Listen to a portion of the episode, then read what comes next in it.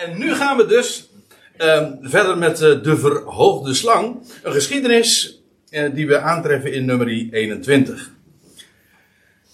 En het zijn maar een paar versen die we daar aantreffen. Uh, naar aanleiding van deze toch wel redelijk bekende geschiedenis. En voordat we daar nu naartoe gaan, wil ik nog even iets zeggen over de, de, de context. De, de samenhang waarin dat dan geplaatst is. Want uh, het hoofdstuk dat wordt dus voorafgegaan ja, door een twintigtal andere hoofdstukken. Maar uh, direct voorafgaand vind je in hoofdstuk 20 de, de geschiedenis dat Israël. Uh, je moet zich realiseren, stond op het punt om het beloofde land in te gaan. Het was namelijk het veertigste jaar van de woestijnreis, zo lezen we. En, maar dan mag ze een bepaalde route niet bewandelen, namelijk de koninklijke weg. Ik kom daar straks nog even terug, op terug. En juist daarom uh, uh, wordt ze verplicht. Het was namelijk, e, laat ik het zo zeggen. Israël kwam dus vanuit de woestijn. En ze zou richting dus het beloofde land gaan. En dan moet ze ook het gebied van Edom passeren. Maar Edom die weigert dat. Eigenlijk was Edom gewoon een broedervolk. Hè? De nakomelingen van, van Esau. Maar uh, Esau, ja, er, was, er was altijd uh, hommelus tussen die twee. Tussen Jacob en Esau. Maar daardoor moest Jacob, vanwege de weigering van Edom, moest Jacob een omweg gaan. Eigenlijk was dat iets wat al zo vaak had plaatsgevonden. Het begon ooit in de geschiedenis al dat Jacob naar het buitenland moest gaan, 20 jaren. Allemaal vanwege ja, toestanden, een conflict eigenlijk met Esau, met Edom. Dus uh, het heeft hele. Uh, het heeft trouwens nog veel meer parallellen met, met allerlei andere geschiedenissen. En waarom zeg ik dat? Omdat het zo apart is dat Israël die mag de koninklijke route niet gaan, maar ze moeten een omweg maken. En ik zeg dit uiteraard met een, zeg uiteraard, maar ik bedoel in dit gezelschap zal het niet, geen verrassing zijn, dat dat een typologische reden heeft. Dat wil zeggen, daar zit, zit een gedachte achter, namelijk dat in feite spreekt het van de huidige tijd waarbij Israël een omweg moet gaan. Ze komt wel bij het beloofde land, maar uiteindelijk uh, is dat toch via een andere route dan aanvankelijk gepland. Oké, dat was de eerste, dat, uh, dat was het eerste punt wat, uh, wat ik nog even wilde maken. als het gaat over de setting. Israël moest dus een omweg maken. En dan lees je ook nog dat vlak voorafgaand aan die geschiedenis van de koperen slang, dat Aaron komt te overlijden. En dat is bij de berg Hor. En dan draagt hij zijn functie, ook letterlijk trouwens zijn kledij, over op de berg aan, uh, aan zijn zoon Eleazar. In feite de tweede priester.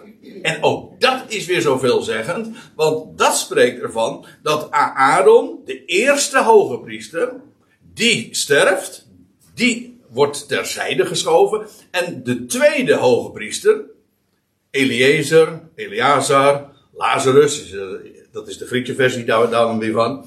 Maar die neemt dat dan over. En dat spreekt logischerwijs dus van uh, de tweede hoge priester. En uh, je vindt dat ook, uh, ja, dat eigenlijk de hele Hebreeënbrief gaat over dat fenomeen dat het hele Aaronitisch, wat een woord zegt, priesterschap plaats moet maken voor een nieuw priesterschap, namelijk van een heel andere orde. En dat is gebaseerd op de opstanding van Jezus Christus.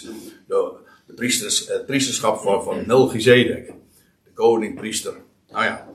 Uh, ik zeg dit dus om even uh, aandacht te vragen voor de hele samenhang van die geschiedenis. Dus die omweg van Israël en, uh, en de dood van Aaron. En, nou ja, en dan pak ik hier de geschiedenis op bij nummer 21, vers 4. En dan staat er. En zij, en dan gaat het uiteraard over het volk van Israël. Zij reisden vanaf de berg Hor. Dat is eigenlijk wel grappig, want Hor betekent. In het Hebreeuws staat eigenlijk twee keer hetzelfde. Uh, want Hor of Har, uh, dat betekent beide dus berg. Een hoogte.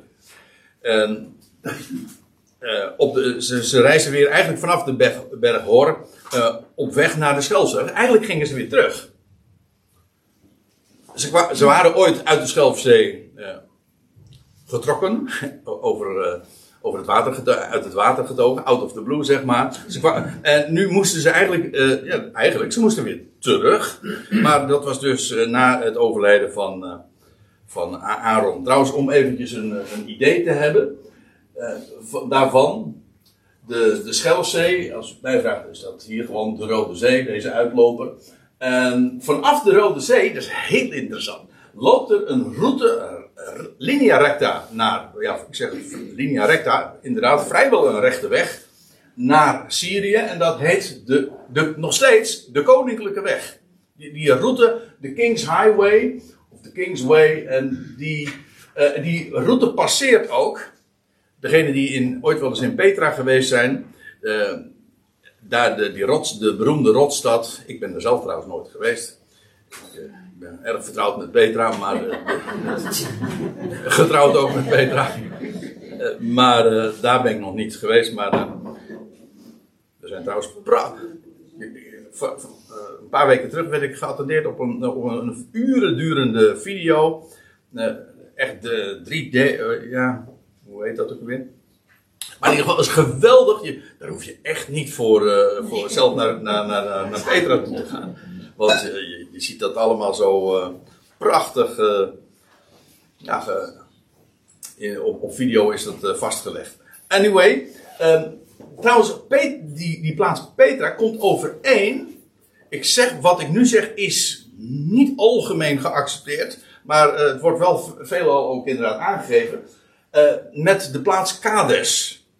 Of Kades Barnea. Je leest eh, in de hele woestijn, gedurende de woestijnreis komt die plaats nog eens een keertje terug. En vermoedelijk zijn dat, is dat hetzelfde. Of in ieder geval ligt het vlak bij elkaar.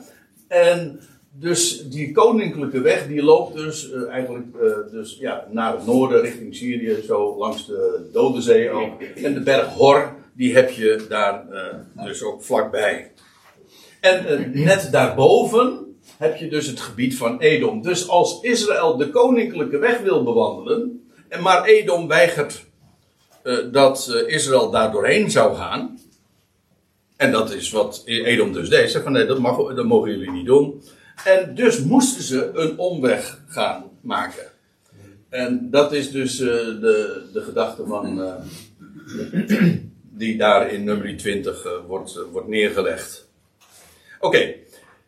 Ze reisden dus vanaf de berg Hor.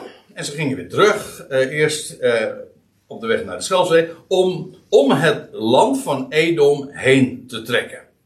Dus niet de weg van de koning, maar een omweg. Leuk eh, als je daaraan denkt. Vooral als het gaat om de diepere betekenis. Ze, zou, konden eigenlijk zo het beloofde land in. Maar er vindt een omweg plaats. De weg van de koning konden ze niet gaan vanwege een conflict met Esau. Vandaar. Oké, en dan staat er, en de ziel van het volk, ik, het is een wat letterlijke weergave, eh, die werd ongeduldig onderweg. Eh, letterlijk staat er, werd kort. De ziel werd kort. En ik vind het eigenlijk wel, het is eigenlijk een soort van woordspeling, want de weg was juist langer. En de ziel werd kort, en dan krijg je dus, eh, werden ze kort aangebonden, of de lontjes werden kort. Toch? Kortslu- kortsluiting, ja. Eh, maar in ieder geval, het, het, de, ziel van het volk werd eh, eh, ja, onge- zeggen we dan. Je hebt dan eh, niet meer de ruimte in je hart om de dingen te doen. Nou, dat blijkt ook wel. En dan- staat er vervolgens in vers 5. En het volk sprak tegen, eh, tegen God en tegen Mozes. Waarom hebben jullie ons doen optrekken uit Egypte? Jullie, dat is hier dus God en Mozes. Ja. En deze klacht die ze hier uiten. Ja, dat is een soort van refrein gedurende de hele geschiedenis. Want iedere keer zie je dat weer terug. Op, eh, opdat we zouden sterven in de woestijn. Want, eh, kijk, ze werden natuurlijk. eh, nou, in de watten gelegd. Ik weet niet of dat de juiste term is. Maar ze hadden het buitengewoon goed. gedurende die jaren in, in de woestijn. Maar het blijft wel een woestijn. En, nou, vandaar ook die klachten. En, en ik heb het dus eventjes nagezocht, maar iedere keer eh, dat zij dan klagen van, ja, opdat wij, hebben jullie ons nou hier uh, gebracht in de woestijn, opdat we daar hier, nou, hier zouden sterven? En telkens weer zie je die, dat, dat gemopper weer terugkomen. En, uh, ik, en het lijstje wat ik hier geef, waarin dat telkens weer terugkeert, vrijwel met dezelfde bewoordingen zelfs, uh, is nog niet eens uh, compleet. Want zeggen ze, hier is geen brood en ook geen water. Wat trouwens onzin is. Oké, okay, ze moesten soms even wachten. Maar altijd was daar die voorziening. Want hier is geen brood en ook geen water. En onze ziel, ja, onze ziel walgt over dit zeer lichte. En dan gaat het waarschijnlijk over het brood. Dat inderdaad ook licht werd. En ze vonden dat flauw. Of, maar, en ze doelen dus op het manna. En natuurlijk kun je allerlei argumenten uh, bedenken waarom daar eigenlijk wel wat voor te zeggen was. Waarom Israël zo daarover mopperde. Maar laten, laten we wel wezen. Uh, A, ze hadden het aan zichzelf te danken. Dat is één ding. Dat ze zo lang in de gedurende de, reis. Uh, dat die reis zo enorm lang duurde. Maar daar komt bij. Ze werden zo geweldig verzorgd. Hè? Eerst klagen dat er geen brood is, dan komt er vervolgens brood uit de hemel. en, ja, en, dan, en daar dan over klagen. Je leest ook later in de, in de Korinthebrief dat Paulus daar ook over spreekt van, ja, eh, waardoor kon men niet ingaan in het beloofde land? Eh, wel vanwege ongeloof. Maar in feite is dit allemaal ongeloof. Eh, bezorgdheid van het komt niet goed. En terwijl ze gedurende al die jaren daar iedere keer in geloovenstraf waren, God zorgt, gewoon op voorhand. En soms, natuurlijk is het logisch dat je denkt, hoe gaat dit nou weer goed komen? Maar als je nou de garantie hebt dat God zorgt, Hij geeft wat je nodig hebt, ja, eh, wat, ze, wat Israël deed, en dat is zo menselijk. Ik heb juist vandaag een, eh, een, nog een dagstukje daaraan gewijd dat was naar aanleiding van de bespreking van de Filipijnse brief, waar ook staat van doet alles, doet alles zonder mopperen en redeneringen. En, uh, ja, want dat, dat gedrag van, uh, hoe wordt het in de Statenvertaling genoemd, murmureren, mopperen, klagen, zeuren, zanik. God, er zijn heel wat woorden, hè? Ja, ik, er zijn er wel meer op. Ja. Ja, goh. Er zijn wel heel veel uh, woorden het, het feit dat er zoveel woorden zijn voor, voor hetzelfde fenomeen, is eigenlijk ook al veelzeggend. Voor, voor de Nederlanders misschien, ik weet niet hoe het in andere talen is. Uh, maar het is zo'n mensen, altijd maar, altijd maar mopperen. Altijd maar denken dat je tekort komt. Altijd maar denken dat het uh, zo moeilijk is en niet goed gaat komen. En, en, en God zegt, ik zorg voor je. En ik geef je alles wat nodig is. Het is in feite ongeloof. Denken dat God niet alles onder controle heeft. En dat Hij jou niet geeft wat jij nodig hebt. Als Hij die weg wijst, ga die weg. En dan kun je gerust die weg gaan, want dan geeft Hij ook altijd wat je daarvoor nodig hebt. Overvloedig zelfs. Je komt niets tekort. Ja, eh, dat is geloof. Dat is, dat is daarop vertrouwen. Ja, dan, uh, dat komt dan uh, heel dichtbij. Want het loutere feit dat Israël dat iedere keer dus uh, zo beleefde. En iedere keer weer in deze fout val, valt. geeft wel aan. Dit is een zo'n typisch menselijk fenomeen. Ja, nou ja. dat was dus de Onze ziel wacht over dit zeer dichte brood. En God antwoordt, maar niet verbaal, niet dat had hij trouwens in het verleden wel gedaan, bij monden van Mozes, dan, dat, hij, uh, dat hij daarop reageert. Maar in dit geval, ja, na 40 jaar, uh, wat valt er dan nog te zeggen? Dus toen, dan lees je, toen stond Yahweh vurige slangen onder het volk en die beten het volk. Vurige slangen, in het Grieks staat, nee, in het Grieks, in het Hebreeuws staat hier serafs of serafim. En die kennen we wel, omdat dat een bepaald uh, soort wezens, hemelwezens uh, zijn. Tenminste, zo worden, zo worden ze beschreven. Letterlijk betekent serafs dus, of serafim met meervoud, vurig of vurigen. Uh, dus als zelfstandig naam, de vurigen. ze worden trouwens in Jezaja ook, de, de, de, en men spreekt over engelen. Weet u dat engelen trouwens nooit met vleugels worden uitgebeeld? Maar serafs wel. En gerubs ook. je hebt de serafim en de cherubim. Ik zeg niet dat het hetzelfde is. Maar die serafs, of serafim, die, uh, dat zie je ook in Jezaja 6, die, om, om, uh, die omzirkelen de troon van God. En waarom dat vurig is, als embleem, als, als bewakers van Gods troon, ja, dat lijkt me niet zo moeilijk.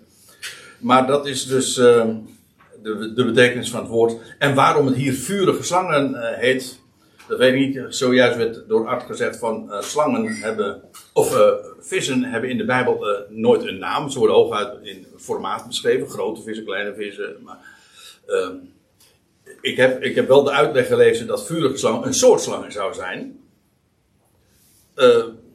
maar dat werd uh, door anderen weer tegensproken. Het maakt me eigenlijk niet uit. Het één ding moet toch duidelijk zijn, lijkt mij. En dat is dat het een uitdrukking is van wat ze uitwerkte. Wat, ze, wat, wat zo'n beet met, uh, met, met, een mens of met een gebetene deed. Namelijk dat het brandend was. Vurig. Giftig. Ja, het was ook inderdaad dodelijk. Want er staat er namelijk bij. En er stierf veel volk van Israël. Over aantallen wordt in dit verband niet gesproken, maar uh, het is aanzienlijk geweest. Er stierf veel volk van Israël vanwege die slangen dus. In feite, als je er hier ook even over doordringt, de, de, de meer symbolische gedachte erachter is. Kijk, het is natuurlijk letterlijk een geschiedenis. Zo is dat gegaan ooit. Maar uh, in feite is, uh, is dat uh, een, het algemeen menselijk probleem. Namelijk dat is dat we ooit. Ooit is de dood in de wereld gekomen door een slangenbeet. Toch? De slang. De oude, de oude, hij wordt ook genoemd in openbaring 12 de oude slang. En de slang die, ja, die met zijn dubbele tong en zijn zijn spreken verleidt. En waardoor de mens inderdaad uh, had van de verboden vrucht. Maar in feite is dat wat, uh, ja, wat, wat, de mensheid getroffen. De zonde is in de wereld gekomen. Hoe? In feite is dat een slangenbeet. En daardoor ook uh, is de dood geïntroduceerd. Hoe dan ook, je leest dan dat die vurige slangen dat aanrichten onder het volk daar in de woestijn. En dan staat er, en daarom kwam het volk tot Mozes. En eh, al snel komen zij tot inkeer, want, ze staat, eh, want zeggen ze dan, wij hebben gezondigd omdat wij tegen Yahweh en tegen u gesproken hebben.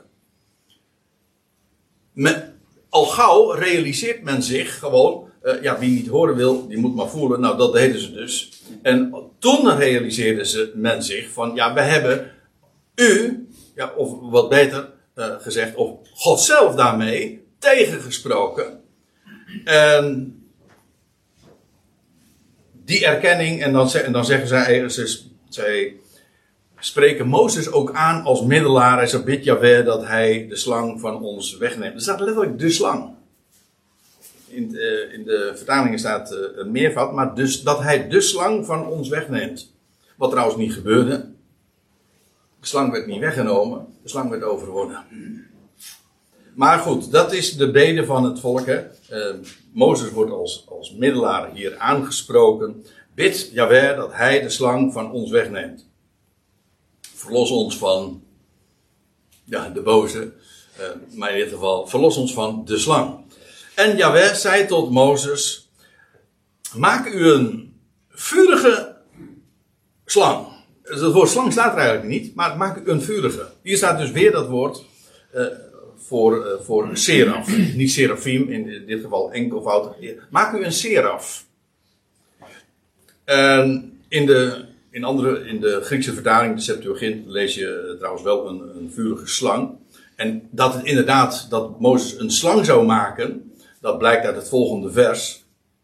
Maar uh, hij, hij moet dus terwijl zij gebeten werden door vurige slangen, uh, moest hij nu zo, zelf zo'n seraf maken. Zo en dan vervolgens wordt er gezegd, en plaats hem op een vaandelstok. In de MBG-vertaling staat een staak. Maar eigenlijk staat hier het Hebreeuwse woord voor vaandel. Of een vlag. Het, het Hebreeuwse woord is nes. En wordt meestal vertaald met banier. Maar een banier, een banner, is, is een vlag of een vaandel. Ehm, ik vond het trouwens wel grappig, want een vaandel heeft weer, eh, als je dat dan etymologisch bekijkt, heeft weer te maken met een vaan. Hè, met dat wat, eigenlijk met wat heen en weer gaat. En uh, geleid wordt door de wind. Fladderen heeft er trouwens ook mee te maken. Flakkeren. En een vlaag. Een windvlaag. Uh, een? Een vin. Uh, oh, dat ja. Uh, zou ik naar moeten kijken. Ik, die kwam ik niet tegen, geloof ik, maar hij is leuk. Ja, in ieder geval, ehm, dat woord, ik ken het eigenlijk al erg lang. Ik ben ooit, ik ben, nog eens een paar dagen geweest in het noorden van Israël. Tegenwoordig is het niet meer onder die naam, geloof ik, maar heb je een, had je een kibbutz Nes Amim. Nes Amim, dat betekent banier der volkeren. En die uitdrukking komt uh, uit, uh, uit Jezaja, een paar keer zelfs. En dat is al gesteld wordt tot een banier van de volkeren. Een Nes Amim. In, in het algemeen, nou, dat lijkt mij vrij evident, een vlag, ja, waar dient een vlag voor? als een symbool van triomf. En van, ja, van, en van overwinning, van verhoging. En een, een, vlag, ja, die staat op een staander. En zodat die uh, inderdaad uh, wappert. In feite ook een beeld van leven, want dat is wat bewogen wordt door de wind. Door een beeld van de geest. En dat is leven. Als, er, als je geest krijgt, dan ga je leven en dan gaat het bewegen. Dat is een aardige inleiding, want ik ga straks nog even naar Johannes 3 en daar lees je over de wind waait waarheen hij wil. En zo is een ieder die uit de geest geboren is. Ja, de geest geeft leven. Dat zijn zelfs synonieme begrippen.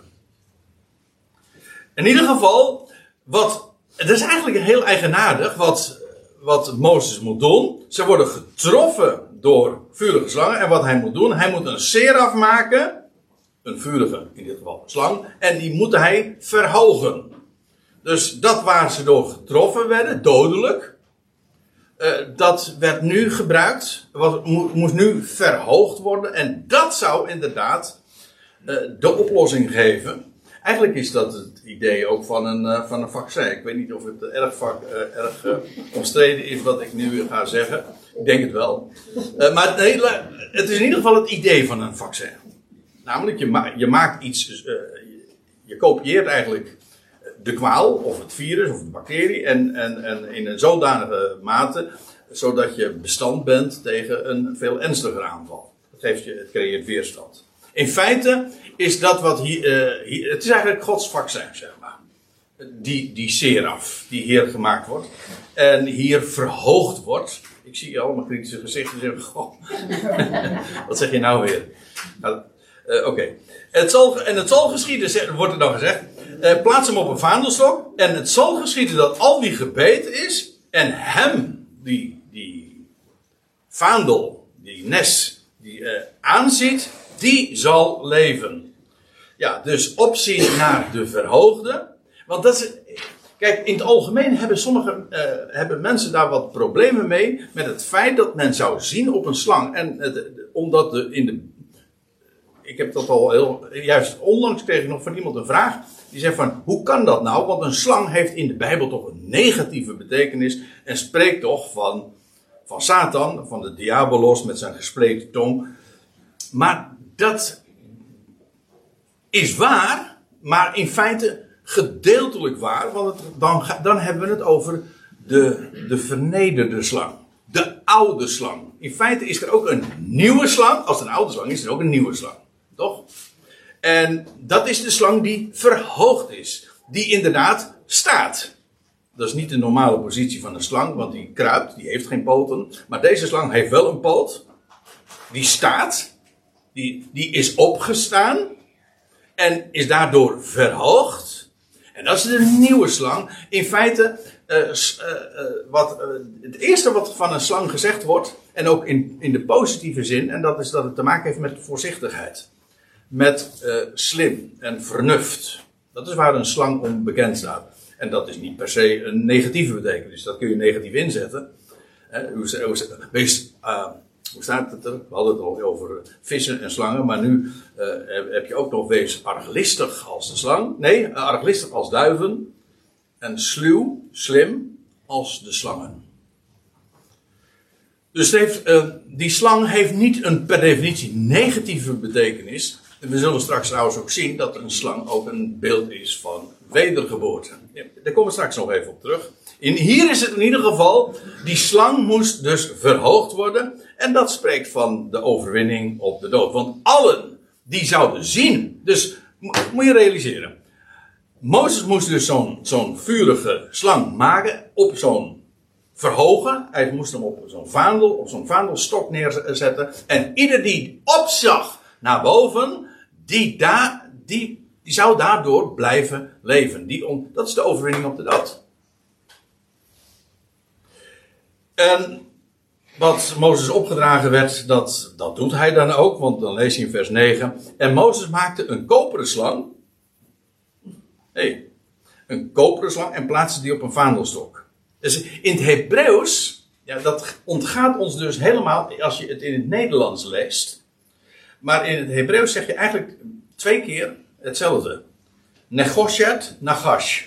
In het Hebreeuws zijn dat uh, u ziet het hier trouwens ook in, deze, in het Hebreeuws. zijn twee keer dezelfde woorden. Alleen de uitgang van het woord koper is nog een, met de laatste letter de taf. Maar voor de rest is het exact hetzelfde. Dus uh, koper, en het, woord voor koper en het woord voor slang is uh, hetzelfde. En uh, ja, het idee trouwens bij, ehm, bij koper is, men heeft wel gezegd van ja, dat, heeft, dat de koper heeft ook een eh, heeft het uiterlijk van, van vuur. Uh, maar eigenlijk is koper. Heeft ook alles met vuur te maken, maar dan in die zin dat het vuur bestendig is. Het is, is uh, zo wordt het in, in, als metaal ook in de Bijbel ingezet. Het brandofferaltaar bijvoorbeeld, dat was van hout, jawel, maar het was overtrokken met goud. Nee, dat was weer een ander altaar.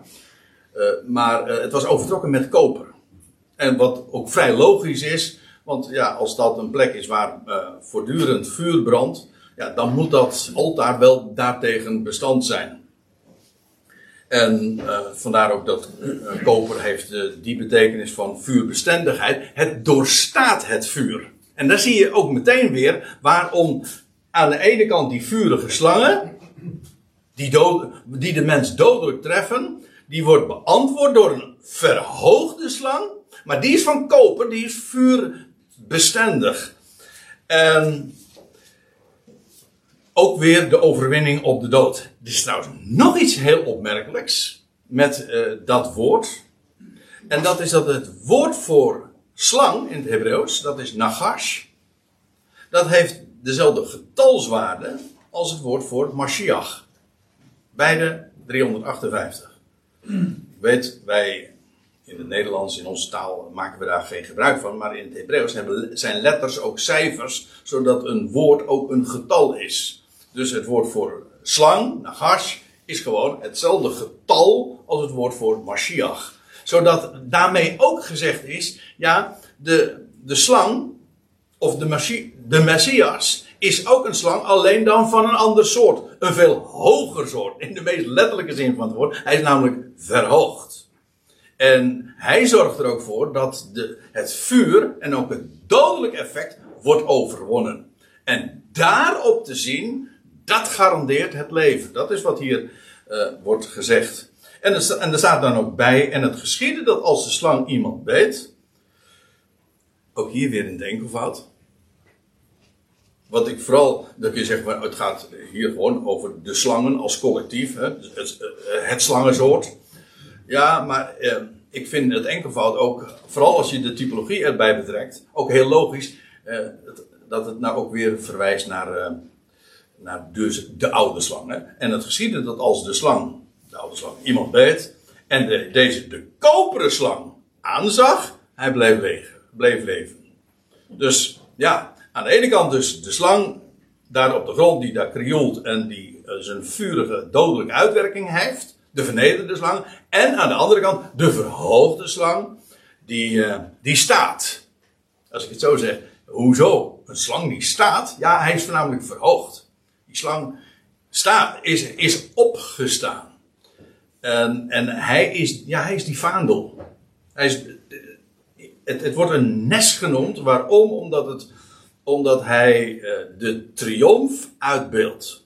In feite is dat hij het evangelie in, in een notendop. Het gaat altijd in de Bijbelse boodschap om de overwinning op de dood. Wat is het probleem van de mens? Nou ja, hij is gebeten door de slang.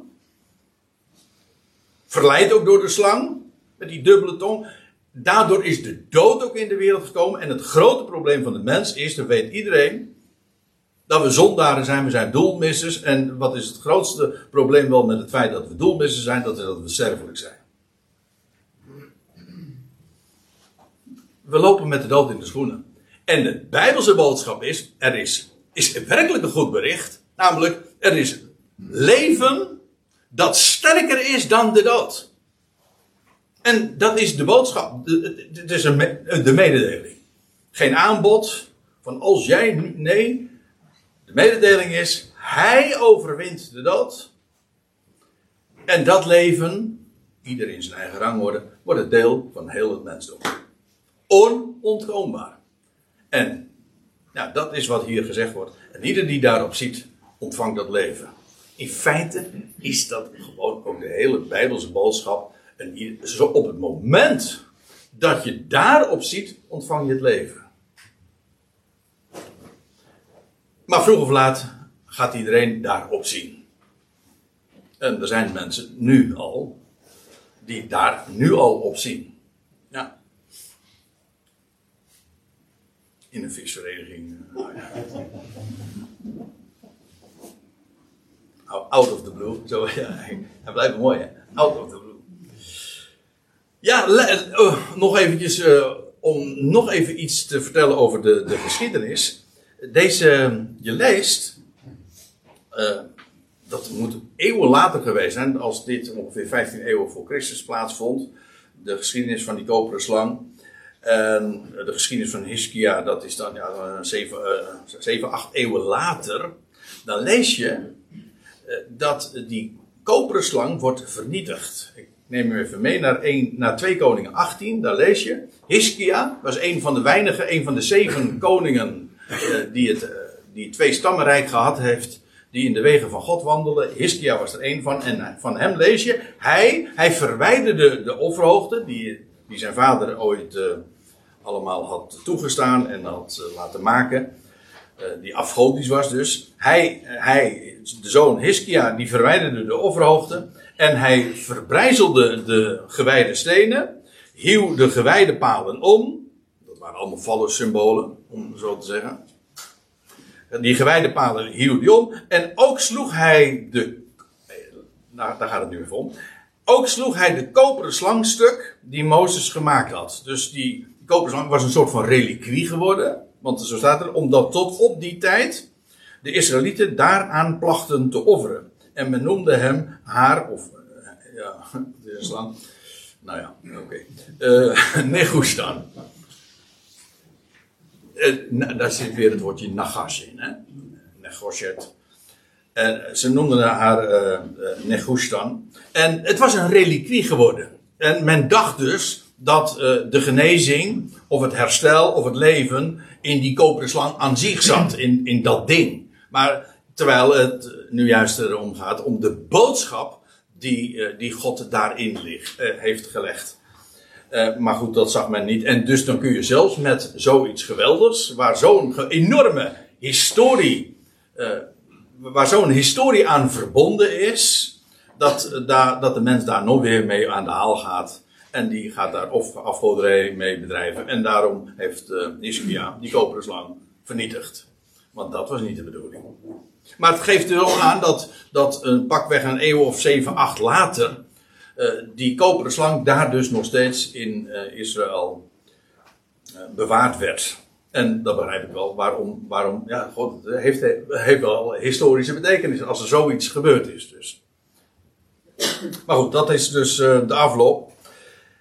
En ik kan het natuurlijk niet nalaten. En het zou ook volstrekt incompleet zijn als ik niet u ook nog even zou meenemen naar Johannes 3.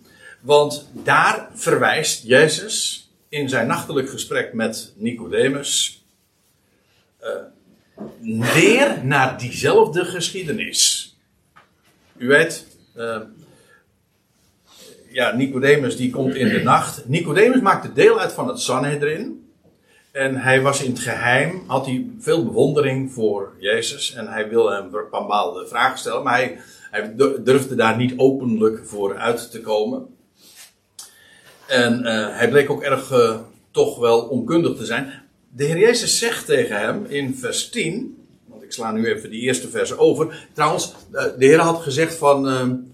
jullie, jullie zouden van bovenaf geboren worden. En, en dan. En dan, dan, dan, gebruikt hij, waar ik zojuist even op doelde, hij zegt: De wind waait waarheen het wil. En zo is een ieder, nee, uh, ja, en zo is een ieder die uit de geest geboren wordt. En, en dan, dan lees je dat uh, Nicodemus, oh, wedergeboorte, hoezo? Uh, dat moet, zou, de, zou een mens dan weer terug moeten in de mo moederschoot? Wat, wat is, hij, hij, hij, het kwartje viel niet bij hem. En dan verwijt Jezus hem dit, uh, in vers 10, en Jezus antwoordde en zei tot hem, u bent de leraar van Israël. Moet je nagaan wat voor status hij had. Er staat niet, uh, u bent een, een leraar van Israël. U bent de leraar van Israël. Dus uh, die man had echt uh, wel zo zijn, zijn cv op orde, zal ik maar zeggen. En die status had hij. U bent de leraar van Israël. En dan zegt Jezus, en deze dingen weet u niet?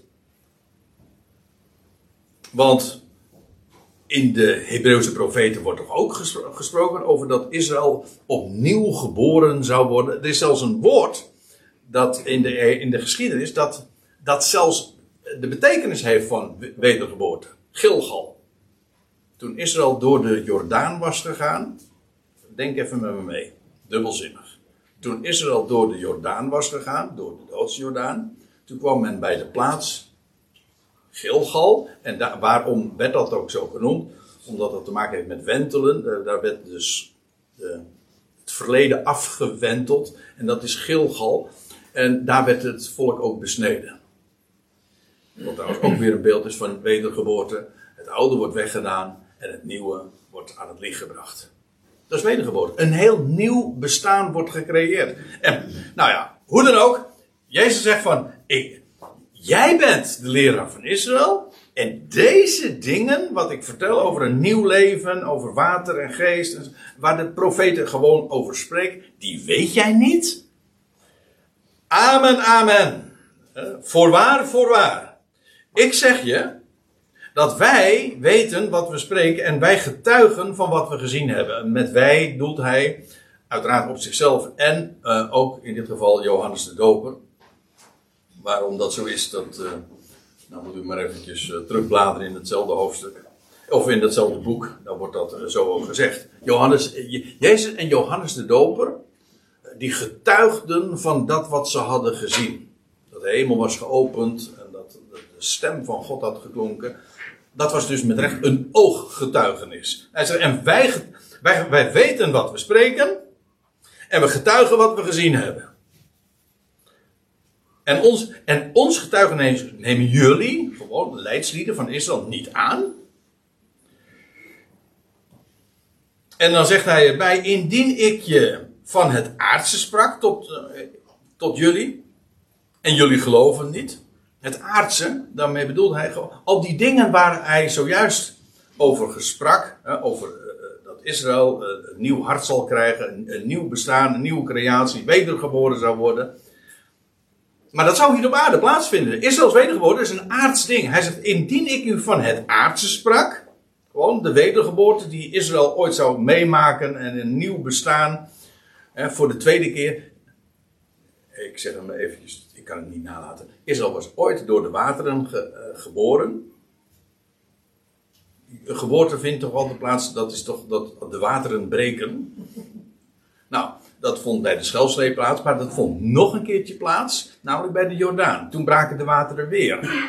Dat is dus feitelijk wedergeboorte. En vandaar ook dat ze pal daarop bij Gilgal komen, en dat betekent ook wedergeboorte. Mooi hè? Uh, maar niettemin, die wedergeboorte van Israël, dat is, ja, dat is aards. Dat wil zeggen, dat zal hier op aarde plaatsvinden. Hij zegt, en als, als ik je nou jullie, tot jullie sprak van het aardse en jullie geloven dat niet, hoe zullen jullie geloven wanneer ik tot jullie spreek van het hemelse?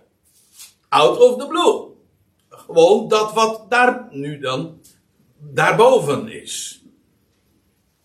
En daarmee ook wat verhoogd is aards, dat is hier beneden. Hemels heeft te maken met wat daarboven is. Het Griekse woord voor uh, hemel betekent dat eigenlijk ook. Gewoon daar, boven. maar ook wat verborgen is. En dan zegt de Heer Jezus bij, niemand. Nou, dat is. Nee, ik zeg, de Heer Jezus zegt erbij vervolgens staat er in vers 13: En niemand is opgestegen tot in de hemel. Dan degene die uit de hemel neerdaalt. Ja, nou, voordat ik nu even verder ga, moet ik even er iets bij zeggen. Uh, en dat is dat uh, dit uh, vaak niet goed begrepen wordt. Hoe kan er nou staan, niemand is hoe kan er nu staan, niemand is opgestegen tot in de hemel dan degene die uit de hemel neergedaald is. En dan gaat het inderdaad over de, de zoon van de mens, zo staat het er. Maar hoe zit het dan met Henoch en Elia? Nou, ik, ik wil het kort houden, maar dat was dus geen hemelvaart. Dat, dat, kan niet, want de Heer Jezus zegt, er is er maar één Niemand is naar de hemel opgestegen dan degene die uit de hemel neergedaald is. Wat de, waarmee dus gezegd is dat alles wat hemelvaart genoemd wordt van bijvoorbeeld Elia en Henoch. Dat was geen hemelvaart. En dat klopt ook, want het wordt wel vaak zo genoemd. Maar in feite, zowel bij Henoch als Elia, die, werden, die voeren niet op ten hemel, maar zij werden overgezet. Dat wil zeggen, ze gingen niet naar een plaats om daar vervolgens daarboven te blijven. Nee, ze, werden, ze gingen misschien wel naar boven, maar dat was alleen maar om verplaatst te worden. Zoals jij dat uh, ook doet als je met een vliegtuig. Als ik bedoel, als je in het vliegtuig instapt, dan ga je ook, uh, vaar je ook ten hemel. Uh, maar in feite, je. Je, je, je land ook. Ja, precies. Je wordt gewoon eigenlijk verplaatst van de ene plek op de andere. Van Henoch lees je dat trouwens ook letterlijk. Hij werd overgezet. Nee, ik ga het nu verder niet toelichten, want dat zou echt te ver voeren. Ja, precies, Hermine, je hebt helemaal gelijk. Dat zou veel te ver voeren. Maar ik wil er alleen maar eventjes uh, op benadrukken dat wat wij de hemelvaart van Henoch of Elia noemen, is ten onrechte, want er is maar één ten hemel gevaren. En ehm, dat is degene die uit de hemel neerdaalde, namelijk als het woord van God, dit woord dat vlees werd, de zoon van de mens die in de hemel is. Waarmee trouwens, ik wil zeggen, dit vers is, niet, is geen verslag.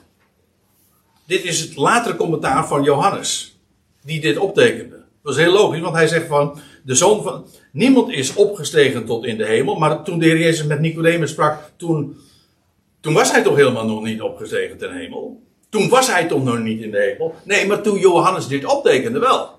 Dus dan kan Johannes zeggen als toelichting, dus haakjes, voetnoot, whatever, in de kanttekening. Niemand is opgestegen tot de hemel dan degene die uit de hemel neerdaalde, de zoon van de mens die in de hemel is. Nu. Dus dit is het latere commentaar van Johannes. Ja, en de Ben Adam, dus de zoon van de mens, de Ben Adam is opgestegen van uh, in de hemel. En eerder was hij neergedaald, ja. Nou, en waarom kom ik nou bij Johannes 3? Wel omdat dan vervolgens in vers 14 gezegd wordt door Johannes, of uh, zo wordt dat dan door Jezus dan vermeld. En zoals Mozes de slang in de woestijn verhoogde,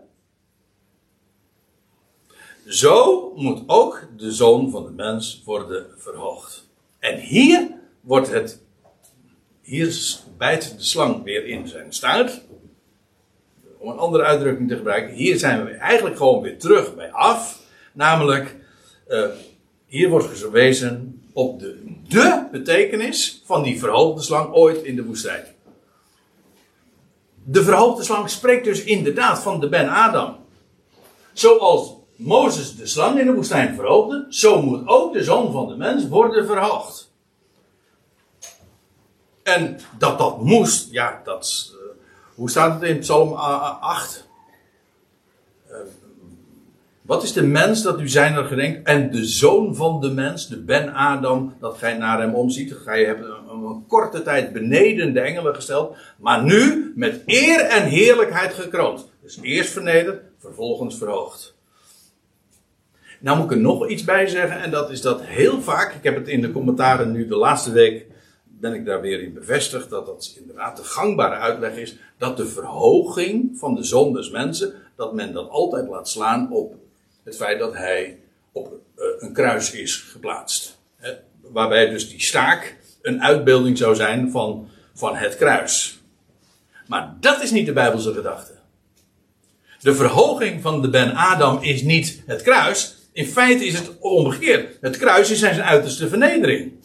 Hij heeft zichzelf, staat er ook in Filippenzen 2, hij heeft zichzelf vernederd tot de dood. Ja, tot de dood van het kruis. Waarmee gezegd, en dan staat er vervolgens achter. Daarom heeft God hem ook uitermate verhoogd en de naam gegeven boven alle naam. De verhoging van de Ben Adam is niet het kruis, dat is zijn uiterste vernedering. En dat is ook zo logisch, want leven, de overwinning op de dood, is niet gelegen in het kruis, maar in het feit dat hij na het kruis, na zijn uiterste vernedering, is verhoogd door God opgewekt uit, out of the blue, inderdaad, uit de, de, de doodswateren, als de eerste vis, ja ja, heeft hij, is hij, uh, is hij verrezen, opgestaan, de eersteling, hij betaalt de prijs. En ja, dat is de verhoging. En dat moest uh, ook plaatsvinden. En niet het kruis, nog eens, is de uiterste vernedering. En ja, uh, ik heb er nog een, ik heb nog een paar van die uh, symbolen. De, deze kennen we allemaal, want de aardigheid is dat dat idee van de verhoogde slang niet alleen in de Bijbel bekend is, maar ook in de Griekse mythologie. En we kennen deze allemaal nog, de Esculaap, omdat het het symbool is van de geneeskunde. En weet u waarom trouwens dat het geval is? De gangbare uitleg is, en ik vind hem heel logisch, omdat uh, de slang ook een uitbeelding is van wedergeboorte, van herboren worden. En ik heb, zo, ik heb ooit tussen de slangen gewerkt. Ja, gelooft het niet, hè? maar er staat hier echt een held uh, voor u op. op een biologische kwekerij was dat. En daar werden slangen ingezet om, uh, om dan weer muizen op te vreten. Dat waren van die korenslangen. Maar ik heb gezien hoe. Dat is een prachtig beeld. Op een gegeven moment wordt een slang. wordt hij heel dof dan denk je, dat ding gaat dood. En dan vervolgens, dan vervelt hij, oh, dat heeft een speciale naam geloof. Nou ja. Eh, maar in ieder geval, en dan komt hij in helemaal in totaal nieuwe huid en is hij inderdaad weer gewoon alsof hij helemaal opnieuw gecreëerd, herboren komt hij dan weer, laat hij zijn oude huid achter zich en een heel nieuw bestaan uh, waar, waar die glanst en eh, blinkend weer is en al zijn kleuren en pracht is die, eh, krijgt hij dan weer een schitterend gezicht trouwens. Maar goed, uh, het is, de esculaap het is een, een symbool van, van wedergeboorte. En ook weer de verhoogde slang. Op een staak. Hoe komt men daar toch aan zeg? Ja. dat soort symboliek, we zijn het allemaal kwijtgeraakt. En heb ik er trouwens nog één. Want we hebben hem ook aan de sterrenhemel. Daar moet je ook omhoog kijken dus daar is, een, daar is een sterrenbeeld. Er zijn er 48, maar één van die sterrenbeelden is de slangendrager. En uh, dus ook weer iemand die staat. Dus het komt trouwens ook weer, ook weer overeen met allerlei uh, mythes, uh, verhalen, oude volksverhalen. Maar die zijn, ja, waar komen ze vandaan? Nou ja, hoe dan ook. eh, die slang wordt gedragen door iemand. Ook weer de slang die staat. Hm, Die wordt gedragen. En eh, in, de, op, in het sterrenbeeld vind ik hem helemaal mooi. Omdat hij namelijk zijn voet zet op, de, op een ander sterrenbeeld. De giftige schorpioen. Scorpio. Daar zet hij zijn voet op.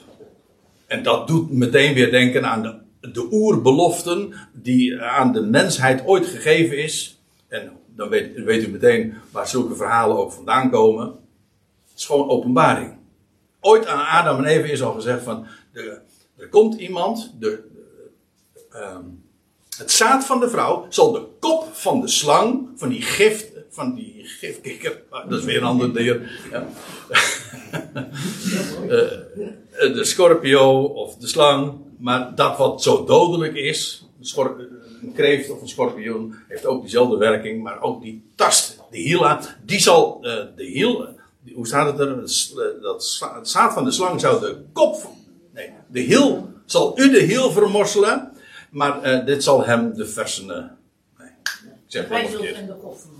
Gij zult hem de kop vermorselen en het zal u de hiel vermorselen. Dat wil zeggen, hij zou dodelijk getroffen worden in zijn wandel. Of eh, fataal getroffen worden, maar niettemin het zou de doodsteek worden van de slang. In ieder geval de overwinning ook weer op de slang. Nou ja, en dat sluit dan aan, dat is het laatste vers wat ik dan noem. Eh, opdat een ieder, nou kom ik even terug. Zoals Mozes de slang in de woestijn verhoogde, zo moet ook de, de Ben Adam, de zoon van de mens, worden verhoogd. Opdat een ieder die gelooft in hem, opziet naar hem, niet verloren zou gaan, maar Ionisch leven zou hebben. Je vindt leven daar in de overwinning op de dood. En in dit geval het leven van de toekomende eeuw. Dus waarmee gezegd is in feite, geloven is niks anders dan opzien naar boven. Naar, dat wil zeggen, naar de verhoogde. Degene die nu verborgen is, maar de levende Christus. En dus, de boodschap is heel eenvoudig. Als je hem wil samenvatten, want ik kan me voorstellen dat als straks, als je thuis komt en zegt van ja, wat is er allemaal gezegd? Nou, dat is vrij veel, toch wel. Eh, maar het is ook heel simpel. Namelijk de boodschap is, kijk omhoog. Dat is ook wat een mens is. Naar omhoog kijker. Dat maakt je, dat maakt je mens. En, en eh, is een uitbeelding van hoop, van leven en van ja, met recht gegronde verwachting. Kijk omhoog! En dat geldt niet alleen voor Sammy. Dat doen wij allemaal. Want er is, oh, hoe was het ook weer? Zo eindigt het lied, dat was het laatste. Want er is er één die van je houdt.